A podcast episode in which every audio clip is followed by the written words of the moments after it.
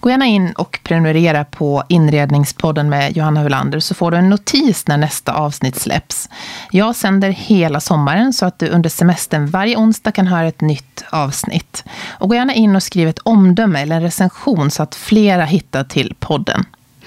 På inredningspodden.com finns alla avsnitt samlade för olika sätt att lyssna. Till exempel på Spotify, iTunes eller Acast. Och där kan du också lämna din mailadress för att få det första nyhetsbrevet som skickas ut innan sommaren.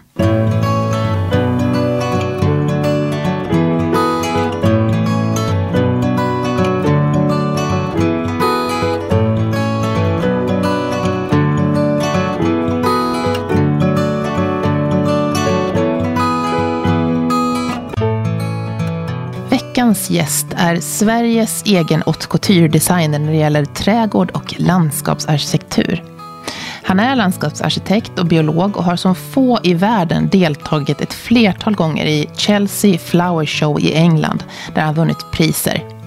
Hans meritlista är lång som en mindre bok och innehåller allt från privata trädgårdar till landskap för offentliga rum och flygplatser.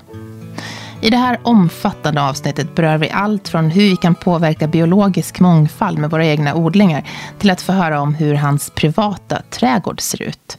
Välkommen till inredningspodden Ulf Nordfjell. Tack. Ah, det här är nog den bästa intervjun jag har längtat efter. Ja, det, det får vi se vad du tycker efteråt. Det är ju Sveriges egen haute couture-designer när det gäller trädgårdar och landskapsarkitektur som jag har framför mig just nu. Och din meritlista den är faktiskt likadan som en mindre bok. Du har ritat allt från flygplatser trädgårdar för privata kunder. Offentliga kunder har du ett, en hel uppsjö av med parker och fastighetsägare. Du har varit med i Chelsea Flower Show, som vi ska prata om lite längre fram, tre gånger och vunnit priser alla gånger. Och du har träffat drottningen av England. Vad, vad är du mest nöjd över? Ja, alltså, eh, det där var ju ett axplock så att säga. Va? Och jag, jag måste ju säga det att vi har inte ens brytt oss om sista åren att uppgradera CVn. Men det är ju så här att har man jobbat i 40 år så har man ganska lång erfarenhet av allt möjligt. Så är det ju. Och jag har väl alltid varit nyfiken.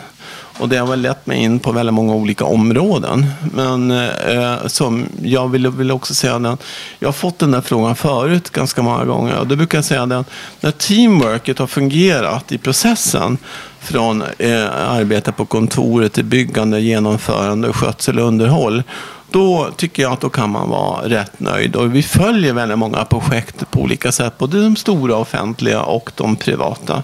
Det är lite skillnad för att de offentliga går ju oftast ut på offentlig upphandling och de privata är privata.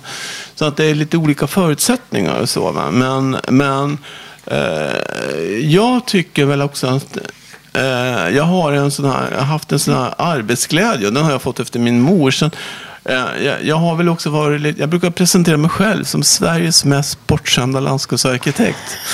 Och, jo, men det är väl så att när man får göra saker som är utmaningar och som känns meningsfyllda, då kan man också ge järnet. Och då kan också omgivningen känna att man tillför något. Och det är ju faktiskt teamworket som gör skillnaden. Det här egocentriska perspektivet, det tror jag inte ett smack på. Det finns ingen designer eller någon landskapsarkitekt som är framgångsrik utan ett brett nätverk. Men för mig är det viktigt att hylla dem och framförallt de som sköter och förvaltar i slutändan. Alltså jag brinner för de frågorna som också berör utbildning och sådana saker. Hur ska vi göra för att få det här landet och satsa mer på kompetens och utveckling? Men är det något projekt som ditt hjärta bankar lite extra varmt för? Som du känner att när du tänker på det så blir du sådär wow, det här är jag så stolt över? Uh, ja, alltså jag, jag, måste säga det att när vi gjorde, jag har ju också gjort mycket utställningar. Alltså inte bara utifrån att jag har varit designern, utan jag har ju hållit i de här nationella utställningarna på Rosendal 98 och sen då i Göteborg 2000 och 2008 däremellan en massa andra. Och när man ser människor växa, man ser också vad folkbildningsperspektivet, vad det betyder.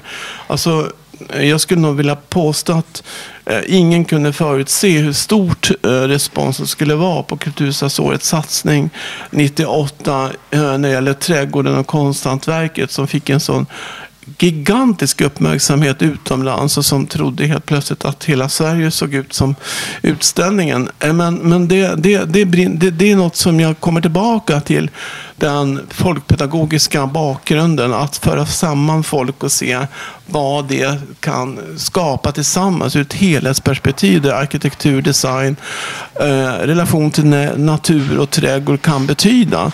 Eh, därför att det är så oerhört essentiellt. Och nu är det här 20 år sedan, när vi nu idag pratar bara om hållbarhet. Så det är ganska eh, anmärkningsvärt egentligen hur, hur det här går igen. Är det inte dags för ett nytt sådant projekt då?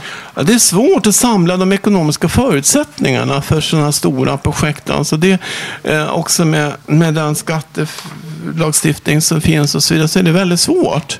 Och det, det har varit många ambitioner men det har inte lyckats helt enkelt. Va? det tycker jag är rätt sorgligt när Sverige badar i pengar mer eller mindre. För det kan man väl ändå säga att man gör i eh, många områden, framförallt inom den privata sektorn.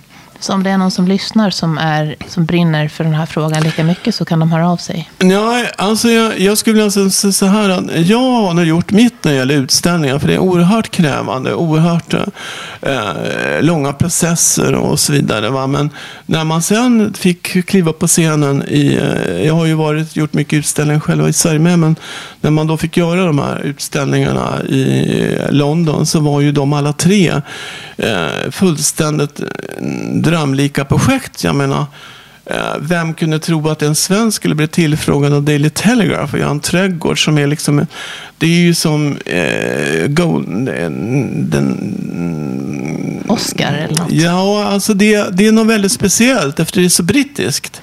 Att en brittisk huvudtidning ber en utländsk designer göra en trädgård. Det, det, det var ju liksom osannolikt. Alltså det, det var ju nästan som om det skulle kännas som en invasion från Sverige att komma dit och göra det. Det är väldigt stort var och sen efter det blev tillfrågad av eh, champagnehuset Laurent Perrier. Deras två kvinnor som äger Laurent Perrier-märket i Paris och gör deras haute couture-trädgård på Chelsea 2013 med temat natur och ekologi. Alltså, det gick ju inte att säga nej till, även om jag var där för att säga nej tack. Så kunde jag inte. Alltså, det var inte var möjligt. du där för att säga nej tack? Jag var där. Jag var på Chelsea 2011 efter eh, Chelsea 2009 och, och eh, vi hade kommit överens om att oavsett vem som skulle fråga så var svaret nej. Men det gick inte. Det, den, den logiska hjärnhalvan sa nej och den kreativa sa ja. Så över en flaska mineralvatten så sitter jag helt plötsligt och säger ja till att göra ett mastodontjobb på två år som, som ju var väldigt svårt. Hur berättar man en story som berör den internationella publiken med en förankring i min verklighet och i den franska kulturen. Det var inte lätt, men jag hittade spåret. Och sen, vad sa teamet när du hade sagt ja istället för nej? Ja, det var ju, det var ju alla eh, hade nog samma känsla att, att eh, det var inte möjligt att säga eh, nej tack till det trots allt arbete och all möda som därtill kom att krävas. Men, men det var ju en fantastisk resa att göra eh, den här trädgården för dem. Men att hitta spåret till det, det, det, det, I Sverige så tror man att det här med Chelsea, ibland tror man att det är liksom ett, ett ställe där man åker dit och så gör man en grej. Och sen är man on stage fem dagar och sen åker man hem. Det är liksom, så går det inte till. Man till och med gör mock-up-trädgårdar, alltså modellträdgårdar i fullskala.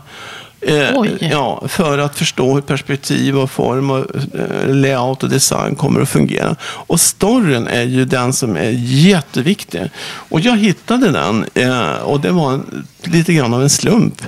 Och det handlade om att jag är väldigt Alltså under många år har jag ju liksom använt mig av också vår svenska bakgrund och historia.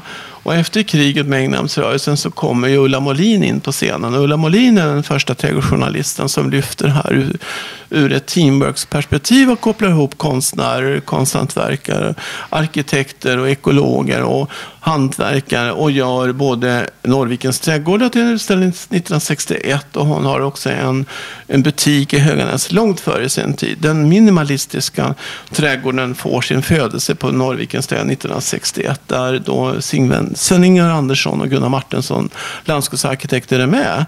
Och jag lärde känna henne och har uppskattat väldigt mycket hennes språk och förhållningssätt. Och sen av en slump får jag reda på att det finns en trädgård i Sydfrankrike som heter La Louve. Som var ritad av en, eh, en, en eh, allsidig konstnär som vid 70 års ålder ritade den här trädgården. Och hon var chefsdesigner för Hermes i Paris. Oj. Innan hon går i pension. Och bygger en trädgård i Bonnieu. Den blev sen uppköpt när hon dör av en konstsamlare i, Frank i Paris som vårdar den här ömt och behåller med två trädgårdsmästare statusen på trädgården intakt. Jag kommer dit, träffar dem och inser att här har vi två kvinnoöden som aldrig möttes men som speglar sin samtid i Frankrike, i Sverige. Samma förhållningssätt till naturen, enkelheten, färgvalet, skuggans färger, grått, silver, blått, lime och formklippt material i stor mängd, men gärna lokalt återbrukat byggmaterial och växtmaterial och sådär. De speglar varandra, men de möttes aldrig. Och där iscensatte jag Laurent P. trädgården 2017. Som en mix mellan franskt och skandinaviskt? Ja, eh, det är för att också visa på hur, hur också eh, tiden speglar också vår landskapsarkitektur och trädgårdsarv.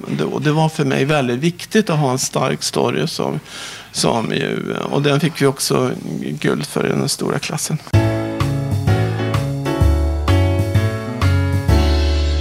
Det här Chelsea Flower Show, vi måste ju, vi måste ju beskriva för lyssnarna som mm. inte förstår, som inte vet hur stort det här är i i framförallt England, men internationellt också. Ja, det, det kan, alltså, eh, Chelsea Flower Show som äger rum då tredje veckan i maj varje år med en pressdag och sen fem dagar för publiken. Det är ju en internationell tävling som också har funnits eh, i hundra år och som ju i princip går ut på att också visa också den mångfald man har i landet och men också Eh, för det är också en väldigt stor turism kring trädgård i Storbritannien. Men också en plattform för plantskolor och aktörer att visa upp sin, sina bästa Eh, ja, vad, vad, man har uppnått under åren. Det finns väldigt avancerade, skickliga rosodlare, perennodlare och extremer inom alla områden och så vidare. Eh, och det har väl också gått, eh, gått i vågor så att säga hur man har fått sponsorer till den här, tävling, till den här utställningen. Men det, det är ingen tävling utan du tävlar egentligen bara mot dig själv. Du ska alltså uppfylla kriterier som som nyhetsvärde, alltså att det ska vara något som inte är copy-paste, att det ska vara en stark grundidé. Och sen hur du har förhållit dig till materialen och ekologin och sen växtvalet. Och du ska också förväntas ha ny, nyheter att presentera i inte bara kombinationer av växter utan också genom något nytt växtmaterial som man inte har sett i England och så vidare.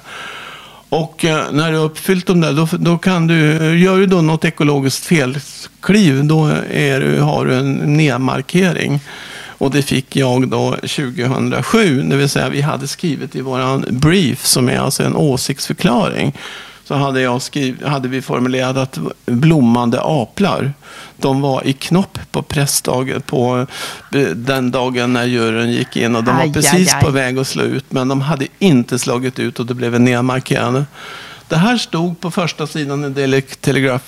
Ulf should have been best in show. Och jag menar, de, de har en sån attityd mot trädgården som vi inte kan ta till oss. Vi förstår inte viktens ansvar, därför att den är klasslös den är ekonomiskt helt ointressant. Utan det är, naturligtvis finns det skillnader även där som i alla samhällen. Men, men det är någonting som du kan i princip prata med vilken taxichaufför genom en resa genom London från hela stan och han pratar om sin trädgård. Det gör ingen i Sverige. Ja, den här, ja, det, det, du är ju lite av en doldis när man jämför när man, när man läser internationell press om dig så finns det väldigt mycket. När man läser svensk press så finns det lite. Men ändå har du valt att stanna kvar i Sverige.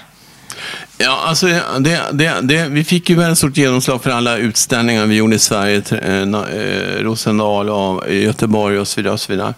Men jag tycker också att eh, det, det handlar väl också om att jag har eh, inte känt mig bekväm helt enkelt. Va? Jag kan ju tycka också att eh, det, det, man måste ha lite kunskap också för att förstå kanske vad yrket både som landskapsarkitekt och garden designer handlar om. Och jag, jag har svårt för okunskap. Det, det är min akilleshäl.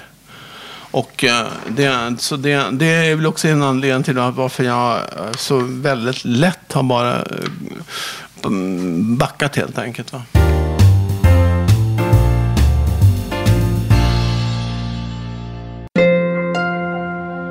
Följ även Inredningspodden på Instagram. Där finns vi under ett inrednings podden och på Facebook ett inredningspodd. Där kan du också skicka meddelanden, önska gäster som du skulle vilja lyssna på eller se korta filmer som finns från varje avsnitt. Jo, vi pratade ju om England och Chelsea Flower Show och, och sen just det här med jämförelse med svenska trädgårdar mm. och engelska trädgårdar. Hur, hur skiljer det sig åt? Ja, det är ju två olika kulturer och den brittiska kulturen har ju det väldigt långt tillbaka i tiden. Det är ju liksom sen man började bygga trädgård på 1800-talet ungefär. Va? Före det så var det ju inte så mycket trädgård innan den engelska landskapsparken slog igenom på slutet av 1700-talet. Och man började eh, verkligen se om sin närmiljö. Och det spelade nästan ingen roll var man var fattig eller rik så hade man en liten trädgård. Deras boendeformer var ju också kopplat till en liten gård på framsidan och bak, även om den var väldigt liten. Men jag tror att just det här att det är fortfarande väldigt generationslöst. Alltså man kan se äldre pratar med yngre och det är en väldig förenlighet kring just det här med trädgård och också samlandet och hur man gestaltar. Det kan vara, man kan vara fascinerad av vitt skilda saker och alla får plats. I Sverige tar vi liksom en sak i taget. Just nu så är det grönsaker och odla sin egen mat och det är ju toppen. Men det finns ju, man, man kan också tycka att man kan tillåtas eh, genomföra sina drömmar. Och då är vi sämre på att göra jämfört med vad engelsmännen är kan jag tycka. Och sen vårt förhållande till trädgården. Jag menar, idag så är ju trädgårdarna allt mindre och husen allt större. Varför då? Alltså vi kan ju inte påstå att vi är särskilt intresserade av trädgård egentligen när vi nästan bygger sönder våra små tomter med eh, Attefallshus och allt vad det heter så att säga. Utan det, det, det, där ligger vi, har vi ju ett dilemma. Att vi liksom inte riktigt förstår att vi bygger bort förutsättningar för trädgårdar och idag eh, i de allt mindre tomterna. Och då handlar det ju väldigt mycket om att kanske ta tag i ett intresse, inte snegla på hur grannen har det, utan kanske snarare utveckla det som man brinner för. Och det kan vara mat, det kan vara kryddor, det kan vara eh, Eh, en designorienterad trädgård eller en ark mer arkitektonisk skapelse med starka strukturelement och sådär. Men gemensamt för alla de här konceptidéerna är väl ändå att bara det att vi gör en trädgård så har det betydelse för den biologiska mångfalden. Alltså trädgården i sig är viktig för den biologiska mångfalden. Mm. Och där, där har vi ju, nu när man ser hur, hur starkt det intresset är, hur det samlar en nation egentligen, när man förstår konsekvenserna av bristen på pollinerare och annat, va? så tror jag det här är en väckarklocka som blir mer konkret. Och det, det, vi har ju väldigt gärna haft synpunkter väldigt mycket på tredje världen och regnskogarna i Borneo och allt vad det kan vara för någonting. Men vi har inte riktigt förstått att vi själva har problem som är av samma konsekvens, nämligen monokulturer inom både jordbruk och skogsbruk. Som slår ut den här biologiska mångfalden. Så att egentligen så det mest rika eh, mångfald vi har idag är ju lite sorgligt vägdiken och trädgårdar. Och, och, där är ju bara att inse att med de larmrapporter som är, som kommer från alla håll, så måste den botaniska och biologiska mångfalden, alltså den botaniska är ju växtfloran och den biologiska är ju också djurlivet runt mm. de här växterna. Det är ju väldigt viktigt att det, att det verkligen utvecklas, att vi tar ställning för den biologiska mångfalden. Mm. Och då in, blir ju konsekvensen det att om vi ska ha ett levande landskap som är vår nationella identitet, ett öppet landskap, så måste vi också förstå att det kostar. Det kostar pengar att producera mat på de villkoren. Och det är vår absoluta skyldighet för kommande generationer att se till att vi har ett landskap som ger det vi behöver. Mm. Vi ska inte räkna med import i framtiden och sådana saker. Och det här är ju allvarliga saker. Och många länder, så jag kan nog tänka mig också ett, mm, Storbritannien till exempel utifrån ett perspektiv, är väldigt stora importörer. Men de är väldigt självförsörjande när det gäller växtligheten. Nästan allting de använder sig av i Storbritannien är producerat av lokala plantskolor och det är också köpt av de som bor i England och Storbritannien. Det, vi är inte lika noga. Mm. Vi, vi förstår inte att vi ska anpassa oss efter det som vi har tagit fram. Vi har ett fantastiskt e-material som är framtaget inom SLU i samarbete med alla branschorganisationer och så vidare. Och det är en början till en bra kollektion på buskar och träd och klätterväxter och nyttoväxter. Fruktträd och bär och buskar. Som är för privatpersoner Som är också. för privatpersoner mm. som finns och som är märkt med en etikett E-planta. Vilket betyder att det i princip är säkerställt härdighet, blomning, fruktsättning, höstfärg och allt det här som vi tycker är väsentligt. Och som också är markerat så vi vet om det går att odla i Haparanda eller och kanske också hela vägen är värdefullt även nere i Skåne. Och det här är viktiga saker. Och det finns också för kulturväxter en annan märkning som heter POM. Och det står för programmet för odlad mångfald. Mm -hmm. Som också är iscensatt av SLU. Och det kan vara om man har ja. en gammal trädgård? Ja, det är gamla, man kan säga gamla kulturväxter som gör sig lika bra i nya trädgårdar som i gamla trädgårdar. Men de är dokumenterat kunniga, värdefulla ur blomning och härdighet och friskhet och allt det där. Extremt viktigt material och också som märks som grönt kulturarv i plantskolan. Så det, bara, det här är liksom två tydliga markörer på hur vi kan stimulera svenska plantskolor så att de överlever. Helt enkelt. Men jag tänker på, um, vi har ju ett annat klimat i Sverige. Mm. Och det är därför det här är så viktiga förutsättningar. Eh, vi är ju det landet som, i Europa som har den största klimatskillnaden. Både orsakat av breddgrad men också av topografi och berggrund och liknande. Och det, det här är ett sådant alternativ. Att man vet vad man köper när man köper e-märkt material. Och det här börjar man jobba med på 80-talet och idag finns det ett rikt utbud och det finns på seriösa plantskolor, både små och större. Men det är väldigt viktigt att konsumenten förstår det och handlar av det. Därför annars så kommer inte den svenska trädgårdsnäringen att överleva. Så allvarligt är det. Mm. Så att vi ska också när jag tänker hållbart, så ska vi avstå från direkt import från andra länder utan också se och gynna det som är svenskproducerat. Det är så lätt att prata om närodlat. Det finns inte idag, men det finns ändå inom landets gränser och det är värdefullt. Mm. Och jag tänker på de här plantorna och, och buskarna du pratar om. Finns de alltså, lokalt odlat i Sverige? Ja, det mesta av eh, odlingarna ligger ändå i södra Sverige. Men det har inte så stor betydelse utan det är den genetiska bakgrunden.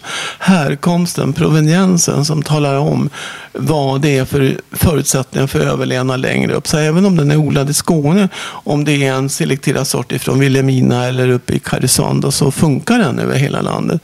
Det här är väldigt viktig kunskap och det går att hitta i de flesta plantskolor så finns det sånt växtmaterial. Mm. Hur ska man få upp intresset bland de yngre? Jag tror att det, är, det här är ganska lätt, ska jag vilja påstå. Därför att jag tror att den yngre generationen också har, är, också förstår vad det innebär när man belastar ett klimat, när man importerar eh, material. Trädgårdarna är ju fulla av importerat material. Eh, allt ifrån billig sten och vad det nu kan vara för någonting och så vidare. Och där bör man vara mera Eh, också, man kan säga att det, det, det, svenska lokala materialet, grus och sten, finns ju över hela landet. Men ändå så händer det att vi importerar enorma mängder sten från tredje världen under ganska absurda arbetsförhållanden. Och det är ju en direkt belastning på miljön. Så det, det är plånboken som styr väldigt mycket. Va? Så det, tyvärr så är det så.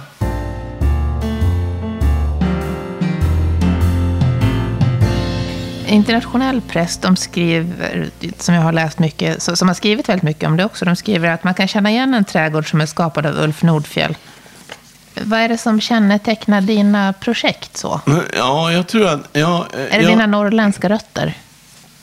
Jag skulle vilja påstå det att jag har använt dem i alla sådana sammanhang. Eh, när jag har gestaltat. Jag, brukar, jag har blivit kallad något väldigt vackert tycker jag i England för en romantisk minimalist. Alltså jag är väldigt för enkla, tydliga strukturer.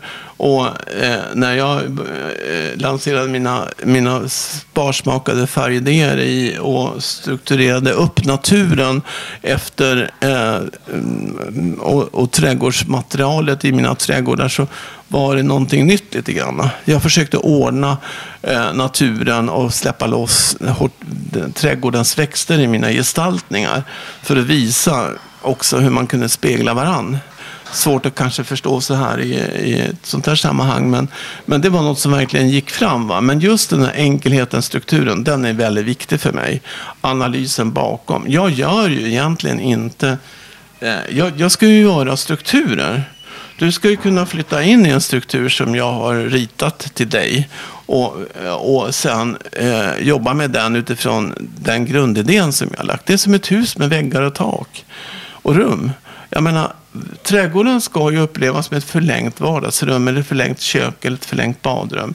Alltså dialogen mellan ute och inne, det är det viktigaste av allt. Funkar inte det, då, har du ju liksom, då, då får du ju inte ihop helheten. Då har du ju liksom, eh, tycker jag, eh, då har du ett problem. Därför att med våra korta somrar så vill vi väldigt gärna vara ute. Men om det känns Ungefär som inne i ett vardagsrum så kan du byta kuddarna i en soffa så har du förändrat hela vardagsrummet. Det är samma sak med trädgården ute. Du kan förändra hela trädgårdens färgkoncept genom att bara byta sommarblommor från ett år till ett annat.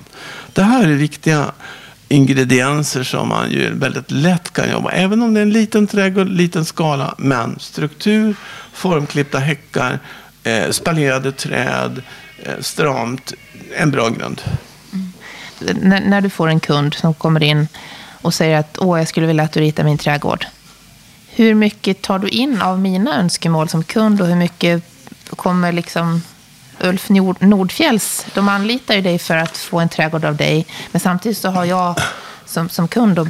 Jo, men det där löser sig. Alltså det är ju så här, va? När, man, när man har jobbat så länge så har man ju en väldig förmåga att lyssna.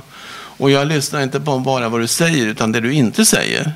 För du formulerar det på ett sånt sätt så att jag får direkt en indikation på, på vad du tycker är intressant. Och är det då två personer i en, en relation så kan jag ju väldigt gärna lätt känna vem som är starkare än den andra i åsikter. Och då kan jag ju väldigt snabbt också försöka skapa mig en bild av vad det egentligen är de vill ha, fast de säger någonting annat. Mm. Alltså, det kunden säger är sällan egentligen vad de behöver.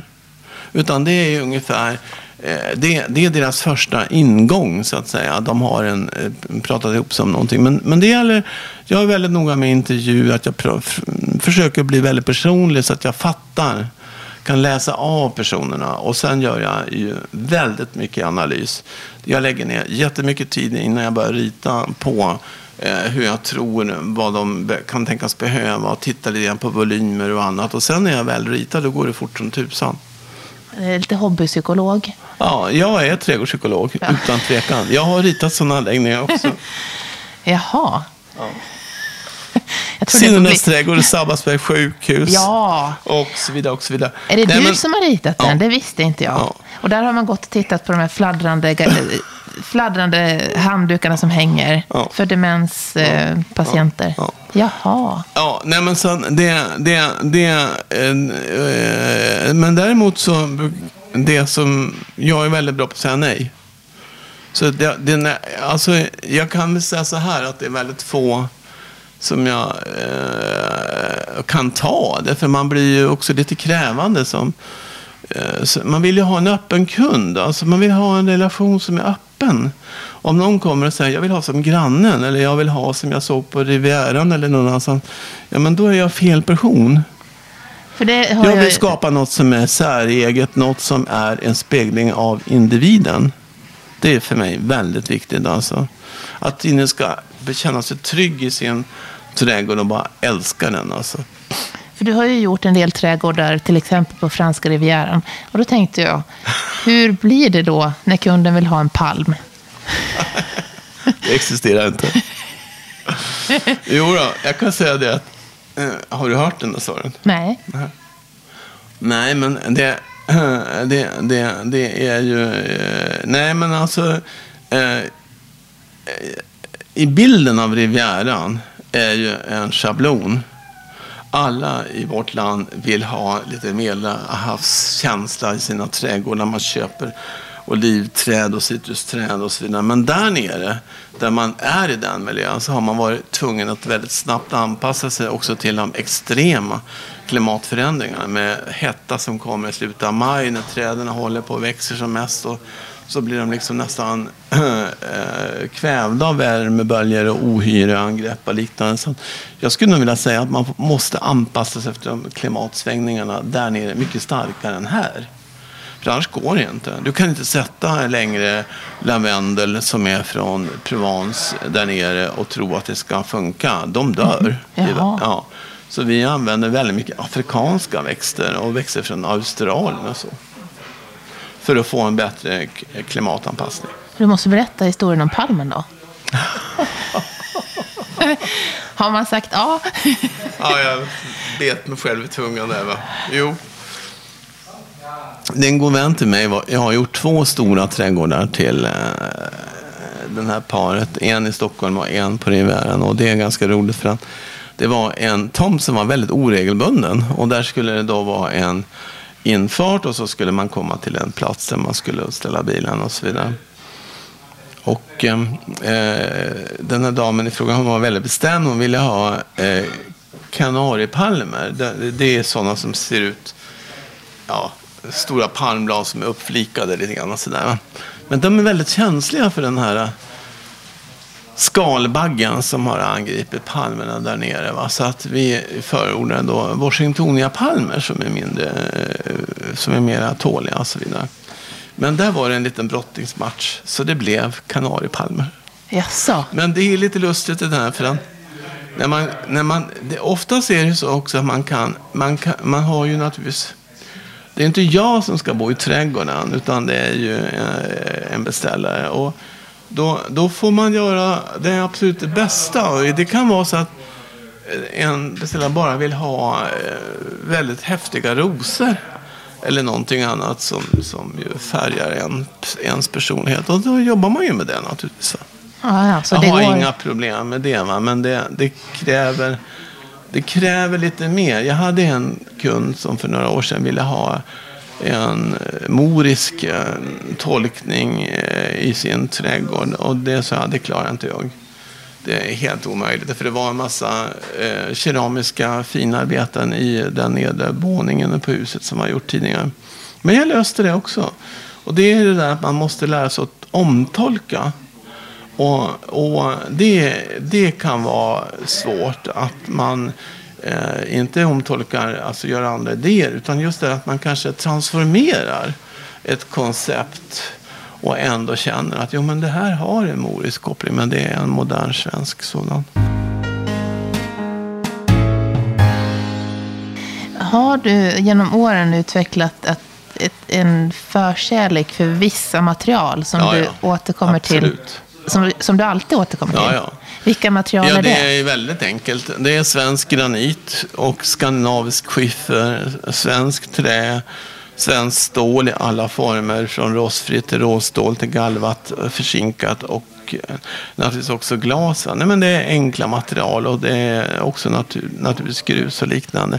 Men, men det har ju också att göra med att jag vill att allt som vi gör i våra projekt här i Sverige. Alltså nu pratar jag om de privata. I det offentliga kan jag inte styra på samma sätt. Det kan det i bästa fall bli svenskt. Men lagen om offentlig upphandling styr ju prisnivåerna på ett annat sätt. Men i den privata trädgården så skulle jag aldrig kunna tänka mig något annat än att jobba med svenskt material. Därför att det, det klarar också våra klimatspänningar eh, under års, året, alltså vintern och frost och sådana saker som inte importerat material gör. Hur är det med växter då? Har ja, det är samma en, sak där. Har du som en portfölj? Som... Nej, alltså jag är ju nörd. Alltså det, det, jag är ju en växtnörd. Så jag är ju lika galen när jag är på Rivieran som jag är i Skåne, som jag är i Norrland. Så jag har ju... Är du en sån som smugglar med dig växter Nej, i handbagaget? Ja, det händer. Nej, det behöver man inte göra längre inom EU, så det behöver man inte känna sig Men jag är ju en oerhörd uh, stark buyer på växter, om man säger så, för alla mina trädgårdar. Så, nej, men alltså det viktigaste där är ju att jag vill äh, återigen använda det som är anpassat till klimatet och då är det e-materialet. Sen kan man i offentliga miljöer och även en del större privata sammanhang importera växter för man vill ha en större exemplar eller någonting. Och då måste man ju vara medveten om vad det är man eh, köper. Alltså jag vet att hästkastanjer kan man plantera eh, som är från Balkanområdet för de har en proveniens som gör det möjligt och så. Men jag ger mig ju inte på sånt som jag vet är en risk i. Men det är klart att skulle du fråga någon annan skulle de säga jo men han har, han har parametrar. Och jag, jag jobbar mycket med, med formklippt material och så, färdiga häckar och häckar på stam och allt sånt där. Och det har ju att göra med att man då på liten yta kan skapa rumslighet och samband och sånt. Det ser du. Mm. Eh, och eh, det, det, betyder också att man eh, återkommer naturligtvis. Va? Men jag menar när det gäller Stockholmsområdet så handlar det ju väldigt mycket om att det är de klassiska trädslagarna som man använder sig av. Som finns. Vilka, vilka är ja, det? Men det är ju till exempel att vi har använt mycket avelmogshäckar, ligusterhäckar, man kan till och med använda sig av formklippta eh, bokhäckar och så vidare. Men när det gäller träd och så, så är det också väldigt viktigt vilken skala man befinner sig i. Jag menar, du sätter inte en stor lind på en privat liten tomt. Det gör du i en park. För att den blir Alltså den konsekvensen som det blir av den, den kommer inte göra att du blir älskad av dina grannar. Nej. Och du vill inte att grannen ska göra likadant med dig. Utan du väljer alltså mindre träd och då är det mycket bär, aplar, mycket sånt. Alltså sånt som jag kan tycka om. Fin blomning, vackert formspråk, fin höstfärg eh, och en vacker enkel grenstruktur och sånt. Och sen solitärbuskar i alla dess former. Alltså som har vinterblommande karaktär till exempel. Det återkommer i alla mina anläggningar. Alltså kejsare, olivon, olika typer av trollhassel och liknande. Som, som, och Chenomeles, rosenkvitten på våren. Så, alltså växtmaterial som eh, mycket tack vare också global warming gör att vi kan ha ett vinterutseende här i Stockholm som vi inte kunde förr. Och det är ju då från februari, januari, februari så kan det börja blomma lite grann i trädgårdarna. Det är ju intressant. Så det är ju, mm. vinteraspekten tycker jag är jätteviktig. Mm. Och eh, sen så är våraspekten, Sverige är ju helt, alltså Sverige som land och som nation, vi, vi är oerhört fokuserade på våren och försommaren fram till midsommar. Och det där ser också olika ut i olika länder, vad man lägger fokus. på. Jag menar, så att på Rivieran så är det februari, mars, april, maj och sen är det grönt.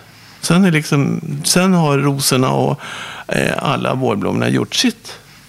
Så det, man måste leva med årstiderna. Man måste förstå årstiderna och man, måste, man kan förädla dem och, och påverka dem. Men, eh, jag tycker inte om när man...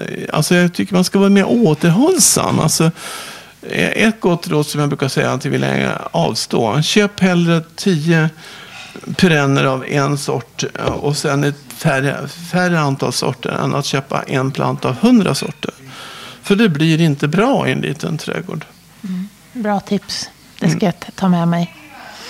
Ja, eh. men det, det köpbeteendet ser ut så. Att du kan inte gå förbi om det är blommigt och fint. Utan du, du you must have. Så, så, så är det. Du, hur, vi sitter just nu och spelar in här på ett litet hotell som heter Ett Hem. Mm. Och här har du skapat innergården. Mm. Hur funkar det? Här är inredaren Ilse Crawford, en engelsk... Eh, mm. Vi träffades. Ja, ni gjorde det? Ja, ja i London. Ja. Hur, hur funkar och, ja, men det, det funkade ju sådär. Alltså, jag visste ju från början vilken personlighet och stil hon hade på sin inredning. Att hon skulle komma att övermöblera trädgården. Alltså, det var min förutsättning. Jag, jag hade läst henne så. Jag fattade det. Va? Och det var ju en tid när det var nytt. Och därför visste jag att det var väldigt viktigt med en ännu stramare inredning här. Va? Så att de här arbetet med det här projektet, Anders Landström som är arkitekt för det här projektet, både huset och orangeridelen och så vidare, så var det bestämt från början att orangeriet kan alltid ha olika former och innehåll. Men i det här fallet så skulle det vara som en förlängd matplats. Alltså en förlängning av köket mer eller mindre. En liten lounge. Och den skulle också gå ut på gården. Och vi behövde teknikrum och så vidare. Så att teknikrummet ligger här under marken under terrassen för att ge plats för en trädgård runt omkring. Och då var det också väldigt väsentligt att skapa en struktur. Att du ska känna att du går in i ett rum som ett vardagsrum med väggar. Så de här formklippta lindramarna så att säga på sina höga stammar skapar det rummet och stänger ute till stor del också den ganska tråkiga belysningen på gatan som annars faller in i den här miljön. Och det, det, det var en ganska lätt uppgift för att det, det är tajta ytor, små, stora anspråk och förväntningar. Men det är en enkel layout på det hela. Och murarna är också en fin bakgrund till de här växterna som vi har placerat mot. Som till exempel då, eh, pärlbusken och eh, eh spaljerade eh, aplar och liknande. Va? Men här finns också en av Stockholms äldsta syrener. Och det är alltså en eh, en gammal sort som heter... Eh, men gud. Ludvig Spät någonting. Jaha, ja. blommar den nu? Ja, den blommar nu. Den är på väg. Och det, det hörde till på 1800-talet kom de här gamla. Det vi kallar gammalt nu var nytt då. Och det finns en lika gammal i Berzelii park.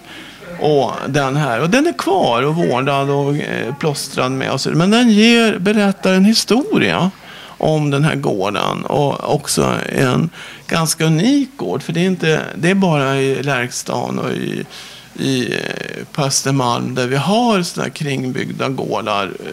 Det är, ganska, det är ett väldigt brittiskt eh, och utländskt perspektiv kan man väl ändå lugnt påstå och säga. Så att det är en ganska avancerad teknisk miljö men den har kommit till för att skapa ett förlängt rum till den här, eh, det här designhotellet på ett, på ett sätt som också används året runt kan man ju mm. lugnt säga. Hur, eh, hur funkar det när du går in i sådana här projekt och hotell och då, då, hur, hur, nära jobbar man ihop med den som ja, man har... jobbar väldigt nära ihop. Det gör man. Och Anders Landström har ju verkligen nagelfarit varenda centimeter i det här konceptet som husarkitekt. Men vi känner ju varandra sedan tidigare. Så det, du kunde ta det? det att han nagel... Du fick ta det, att han kollade dig? Nej, allt. inte kolla, inte alls. Han, ingenting. Nej, absolut inte. Men, men alltså, eh, han hade ju, det, det är ju så med yrkesroller som man jobbar länge, erfarenhet. Då har man en större öppen, då är, vågar man mera. Det är mycket, mycket svårare med yngre personligheter som ju, som ju bevakar rädsla att det blir någon sorts revir. Så det finns ju med, med ålderns rätt och med erfarenhetsrätt och kunskapsintaget så finns det också en större öppenhet och generositet. Eh, jag är väldigt mån om att när man går in i projektet att alla ska kunna göra sitt bästa.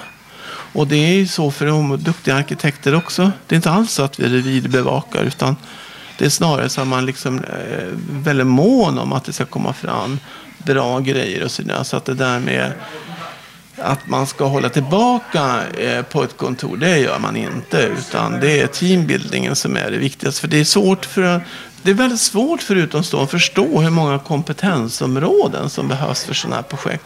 Alltså man tror att det handlar om ett skissblock och en penna och sen är det liksom en markentreprenör som kommer att bygger. Så är det inte. Det finns alla discipliner. Det är VA-folk, det är konstruktörer, det är markfolk på kontoret, det är inmätningspersonal.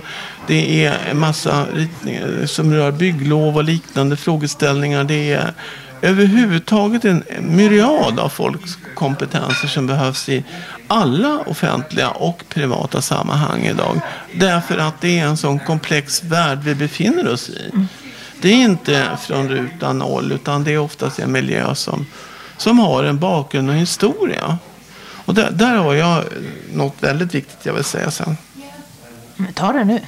Nej, men alltså, i, eh, alltså det, det som landskapsarkitekt så har jag ju haft förmånen att blanda både de privata rummen och privata trädgårdarna med de här stora offentliga uppdragen. Och jag har ju ja, ungefär tio stora stadsparker i landet har min signum som jag jobbar med. Och det handlar ju om förädlingsarbete. Det är väldigt få av dem som är nyskap, alltså helt nya från början. Utan man har sett tidens an, tiden an och sen har ju också vår alltså, vi som bor i städerna använder idag de offentliga rummen på ett annat sätt än vad man gjorde förr. Man använder dem som vardagsrum för möten och för lek och för spel och rollspel och allt vad det kan vara för någonting. Och det spelar ingen roll om det är uppe i Skellefteå, Umeå eller i Malmö, Göteborg. Det är enda skillnaden brukar jag säga, det är att man klär sig bättre mot vintern i Norrland. Men man använder det året runt. Och det är inte bara picknickgrillar och sånt utan det är också det är mötesplatser. Det här är nytt för parkerna, stadsparkerna våra, de kom till på slutet av 1800-talet som, som spatserparker. Alltså finparker på söndagsutflykten med barnvagn och allt upp det där. Idag är det inte så. Utan här är, våra parker har på väldigt kort tid blivit generationslösa mötesplatser. Där alla generationer möts. Och det skapar också en social trygghet. Som är väldigt viktig. Att man känner att man är trygg och så vidare. Jag menar, det, det, det, är inte konstigt att man kan se 20 000 pers en söndag eftermiddag Hyde Park i London. Och, och sen när de går därifrån så är det snyggt och prydligt och städat och alla med, med sig sina sopor. Vi är inte riktigt där än. Va? Vi vill gärna skräpa ner och markera att vi har varit i parken. Vilket är negativt, för det kostar ju skattepengar att sköta mm. och städa och så. Mm. Men alla de här kulturhistoriska platserna har gått ihop i ett nätverk. Och det är väldigt intressant att våra mest kvalitativa parker. Allt ifrån slotten till, till enklare trädgårdar till stadsparker av olika slag, närmare 40 stycken, har gått med i ett nätverk som heter Svenska parker och trädgårdar på svenska. Och det är otroligt väsentligt för både den internationella trädgårdsturismen, den svenska trädgårdsturismen, men också för att förvalta kunskapen och erfarenheten. Och vi, jag är med i styrelsen där och vi har jobbat hårt för att få detta att verkligen bli en plattform, både riktat mot politiker och en bred allmänhet, för att förstå vår bakgrund och historia.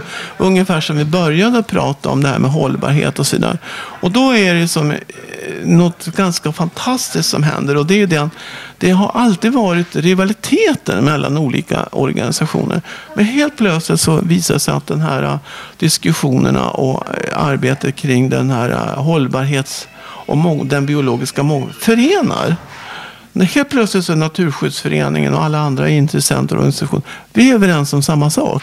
Och då kan man ju försätta berg. Och det här tror jag på att det är det som den unga generationen med förebilder som Greta och så vidare verkligen kommer att sätta på kartan inför nästa generation. Och det, det, det har aldrig funnits en sån möjlighet kring det som det gör nu. Att nå den unga generationen. De kommer absolut inte göra det som vi har gjort.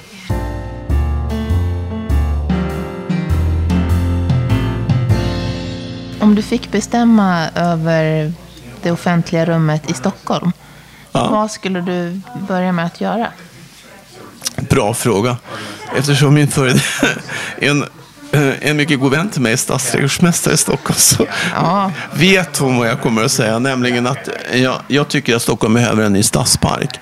Alltså man behöver helt enkelt ett, ett nytt forum för de här frågorna kring hållbarhet och ekologi, men också arkitektur och design. Alltså någon form av laboratorium kan man säga, där man också kan eh, också visuellt visualisera vad de här eh, teoretiska modellerna står för, men i konkret form. Hur ser det ut när man jobbar ekologiskt och hållbart och intresserad av arkitektur och design och mat och odling och så vidare. Det finns i andra länder men inte i Sverige och jag tycker att nationalstadsparken i Stockholm skulle må bra av ett sådant komplement vid sidan av de nöjesanläggningar som finns där. Det, det har jag tyckt länge mm. eh, vore en väldigt fin utveckling. Därför att i en sån miljö så kan också generationerna mötas. Och det blir mycket lättare att förstå också, förklara för barn och så vidare hur saker och ting hänger samman. Jag menar, barnen har ju innan de ens har ordet så är det de är mest intresserade av vad de kan stoppa i munnen. Här kommer det en litet barn bakom ja. oss.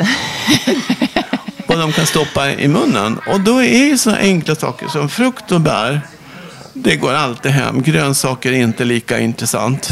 Men allt det här sammantaget gör att ska man få en levande stad som är hållbar. Du kan, så fort du bär hem en, en, en kryddkruka från matbutiken och sätter på, i din balkonglåda. Då är du en odlare. Och det betyder väldigt mycket vad du odlar på din terrass för den biologiska mångfalden i staden om du inte har, du behöver inte ha en villa. Det räcker om du fyller den terrass eller balkong du har med, så gör du en stor insats. Men jag tror i morgondagens samhälle så, så är jag alldeles övertygad. Vi kan inte fortsätta stapla eh, boendet på höjden som vi gör nu. Det, det kan inte fortgå. Det finns ju en begränsning i vad man kan göra och bygga om man samtidigt ska både leva hållbart och försöka få ner konsumtionen. Sen spelar, tycker jag spelar ingen roll att många säger att det är det billigaste sättet. Men jag tror inte på den modellen. När du, du hjälper ju och har ju många bostadsprojekt som kunder också. Ja. Och där bygger du ju deras gårdar och, och Mm. ja, vad man nu kallar det. Eh, Det är ju ganska små ytor idag. Men hur ser trenderna ut där? Får du in, får du in de här, det här ja, tänket? Utan att nämna någon vid namn va, så kan man lugnt säga att de stora projekt jag jobbar jobbat med de sista 20 åren på Dalenum och på, även på Silverdal så har det varit enorm öppenhet. Alltså det är mycket lättare för byggbolagen att sälja lägenheter idag med en god landskapsutformning på en gård än ett snyggt kök. Det försöker köket kan du påverka själv och byta ut men du kan inte byta ut gården.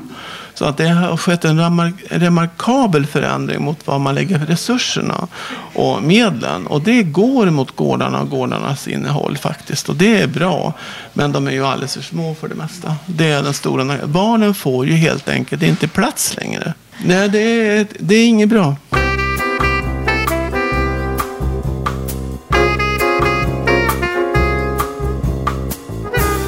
Vi pratade på lunchen när vi åt här på vägen hit. Att vi i Sverige är så extremt dåliga på att se helheter. Ena stunden pratar man från våra eh, statspolitiker att vi ska bli självförsörjande på mat. Vi ska odla upp 50 000 hektar som ligger i träda, säger Jordbruksverket. Vi ska ha, eh, naturligtvis vara självförsörjande i landets olika delar. Nästa stund så pratar man om att ta bort jordbruksstödet. Hur kan man ens drömma om tanken att vi ska ha några bönder kvar? Alltså, det, det, I den konkurrenssituation de är med de små marginalerna och en helt annan livsmedels eh, kvalitet än vad man har på djurhållning utomlands så är det inte jämförbart. Alltså sådana här saker tillsammans med det öppna landskapet, öppna landskapets betydelse, biologisk mångfald, så vill jag se att man princip går från att acceptera att det är vägdiken och trädgårdar som står för den botaniska mångfalden. Jag är alldeles övertygad om att varför kan man inte prata om hela naturbegreppet och jordbrukskulturen och skogskulturen för en biologisk mångfald, även om vi själva som konsumenter måste betala det. Jag lägger ju hellre pengar på det, tycker jag. Så det finns väldigt många sådana här viktiga saker och då blir jag Eh, då kan man tycka att, ja men vad har jag för rätt att säga det? Men jag tycker att man kan slå upp vilken tidning, dagstidning som helst och det finns mycket kunskap att hämta. Så ser man på forskningen i Sverige som är banbrytande. De, vi vet de här sakerna om pollinatörer och, och SLUs forskning och framtid. Alltså inom området. De har mycket kunskap. Så ska du intervjua några så tycker jag absolut du ska ge det på SLU till exempel. De har väldigt mycket kunskap om de här frågorna. Eller Skogshögskolan i Umeå som när det gäller skogsbruk och liknande. Så får du ju en bild som kompletterar det jag säger. För jag, jag kan ju inte företräda dem. Eh, För det, kommer, det, det kan du inte ha med. För det funkar inte så i Sverige. Men jag tycker att, att om man över, överhuvudtaget förstår konsekvenserna här så är ju vi lite grann också marionetter. Alltså, som landskapsarkitekt så finner vi oss i allt mindre markytor och markområden. När jag började jobba var markområden mycket större i alla projekt. Idag är det supertajt eh, med alla former och så. Och det är ju en, en konsekvens utav också eh, hur utvecklingen har skett att man prioriterar den här compact living-modellen så att säga som någon sorts förespråkare för en, en god livsmiljö och livsstil. Och det, jag är inte säker på det längre. I Danmark ser man ju en hel del takodlingar på, på ett, på ett annat sätt än här. Är det någonting som du tror kommer att... Absolut. Alltså det, det handlar ju mer om vad bjälklagarna tål och alltihop det där. Det har ju, Eh, jag har själv skissat på sådana förslag inne i stan och så, inne i city och så vidare som inte har blivit genomför, genomförda. Och det har nästan alltid med att göra med att man har så kort säsong. Alltså jag, jag, tror att det är något som alla vill, men, men alltså vi har ju ändå något som heter vinter i det här landet. Så det, det, det, det, är lite motsägelsefullt, men det är ju naturligtvis eh, överhuvudtaget något som väldigt många vill eh, ha redan anammat eh, längre ut i Europa. I, I, Holland först och sen Danmark och England och så vidare. Så det finns ju, och USA och så vidare. Och då är du ju inne på bikupan naturligtvis, då, honungen och så vidare. Och den är ju liksom ju en, en sån här trendsymbol kan man säga. Men, men är det något som vi ska verka för så är det ju de vildbina. Vildbina är det som gör att vi har bröd på bordet och sådana saker. Det är de som pollinerar mm. vår säd och så. Medan honungsbina är ju deras rivaler lite grann. Mm. Om samma flora. Jag tänkte på en annan sak. Vi pratar om eh, offentliga rum, trädgårdar, parker. När du får vänner som kommer och hälsar på, vart tar du dem? på landet, ute i skogen, ute i naturen. I en kanot på älven utanför vårt ställe på landet. De tycker det är så exotiskt så de dör. Ja, så då, då ni åker upp till Norrland? Ja. Okej, ja. Det var bra. Titta på trädgårdarna får de göra själva här i Stockholm. Nej, men det är ganska intressant också över hur vi underskattar vår rika natur. Och, och eh, jag säger bara tack gode gud att det finns något som heter Natura 2000 som är instiftat av EU. Alltså nämns aldrig. Som inte svenska staten och politiker kan pilla i och ta bort. Det är ju en gåva till svenska nationen med tanke på kommande generationer. Och det finns många Natura 2000-områden. Och det står ju för skydd av särskilt naturvärde, flora, fauna och så vidare. Och jag säger bara wow. Det är en, det är en jättegrej alltså. Jag tänkte på en annan sak också. Du kan inte ens ta ner din egen skog som du har där. När du skapar eh, dina projekt så lämnar du över dem mm. till någon annan. Mm. Hur funkar det då? Lämnar man över en manual? Att så här ska man sköta den? Manualen är stendöd, skötselplanen. Eh, det gjorde vi på 70 och 80-talet och vi tyckte vi var jätteduktiga när vi talade om hur många konstgödselgivor man skulle ge, hur många gånger man skulle rensa ogräs och liknande. Idag så är målbilden snarare att man ska uppmuntra till en kunnig personal, alltså en skötselgrupp med trädgårdsmästare, att förvalta och driva och med egna, egna ögon se vad man kan göra och så vidare. Det här är mycket svårare i det offentliga rummet än i det privata rummet. Och det är en enorm brist på kunnig personal, inte minst trädgårdsmästare i det här landet. Vi har alldeles för låg utbildningsnivå, också oftast tvååriga utbildningar. Vi behöver bygga på dem till fyra, fem år som man gör utomlands för att kunna ta ansvar och sköta, förvalta och planera sitt arbete. I den privata trädgården så uppmanar jag alla att jobba själva i trädgården och är de stora så naturligtvis att ha hjälp. Och det, det, det, är absolut inte föremål för pappersprodukter utan däremot dokumenterar vi vad vi gör i större privata projekt. Alltså vi gör en form av årsalmanacka. Mm. årsalmanacka. Eh, den och den veckan gjorde vi det och det och så vidare. Och det är ett väldigt bra sätt att samla kunskap när man måste kanske lägga till personal och byta personal. Men det här har ju alltid varit så i andra länder som i England och Danmark också, även i Tyskland. Så vi har ju trott på den här pappersprodukten, den här skötselplanen, därför att det heter så snyggt skötselplan. Men det är ju nästan till omöjligt att ringa in vad som ska göras på ett bra sätt. Och följer du en skötselplan så är ju i princip oftast halva jobbet ogjort.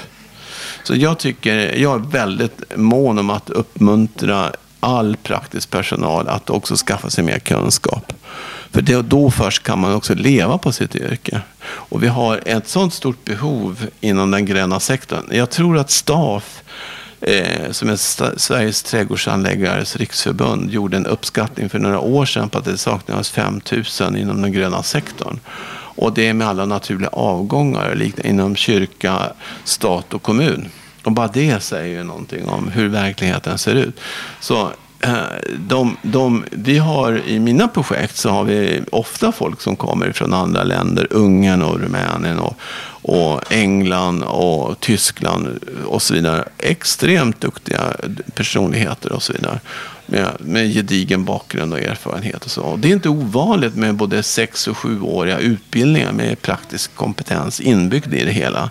Eh, alltså det har inte vi i Sverige och det, det är väldigt, vi måste påverka eh, Skolverket till att bygga på alla våra trädgårdsmästarutbildningar. För att du kan att kalla sig för trädgårdsmästare efter två år, det är inte rättvist mot personen i fråga. Det är, alltså, det, det, det är inte bra helt enkelt, va? för man, man har för lite erfarenhet. Mm. Till sist Ulf, lever du som du lär? Har du trädgårdar som ser ut som dina drömprojekt? Ja. Attans också. jag har, en, jag har en, en, en trädgård som jag började jobba med när jag var tre år. Eh, på landet. Det var mina föräldrars sommarstugetomt vid en älv. Det heter Öreälv i Västerbotten. Det ligger tre mil från kusten. Den är idag mitt laboratorium. Det är där jag provar allt. Och halva tomten är natur och halva tomten är trädgård.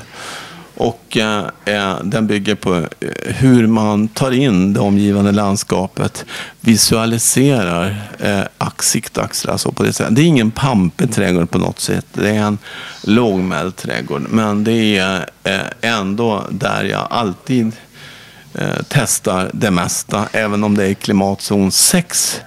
Och eh, Mm, jag har, eh, Ola, eh, eh, jag förstår att nu, nu kommer du att bli väldigt ställd, va? men från eh, första maj och till sista oktober så är vi självförsörjande på grönsaker och liknande i trädgårdsland och i växthus. Och med det vill jag säga att du behöver mycket mindre yta för att odla det du behöver i, för din, din, din familjs hushåll och för dina vänner än vad du någonsin tror. Därför det ger sig väldigt mycket att odla kompakt i, i upphöjda bänkar och växthus och så vidare. Ja. Så det är den stora överraskningen. Vi har 15 kvadrat eh, för grönsaker. Sen har vi jordgubbar och vinbär och tomater och gurka och sånt. Men, men, men, eh, så vi har Ja, nu den 21 maj så har vi så mycket sallad i växthus så vi kan inte äta upp den. Nej men, oj, oj, oj. Vilken jobbigt, dröm. Va? det var jobbigt att höra. Det var jobbigt att höra. Jag har lyckats med rabarbern på balkongen. Ja. Jag har en trädgård på terrassen här i Stockholm också, men den är ingen nytta i. Den är bara vacker. Okej. Okay. Och hemmet för en koltrast. Ja, men det är ju inte det fysiska. Tusen tack Ulf Nordfjell. Mm, tack. Jag fick komma.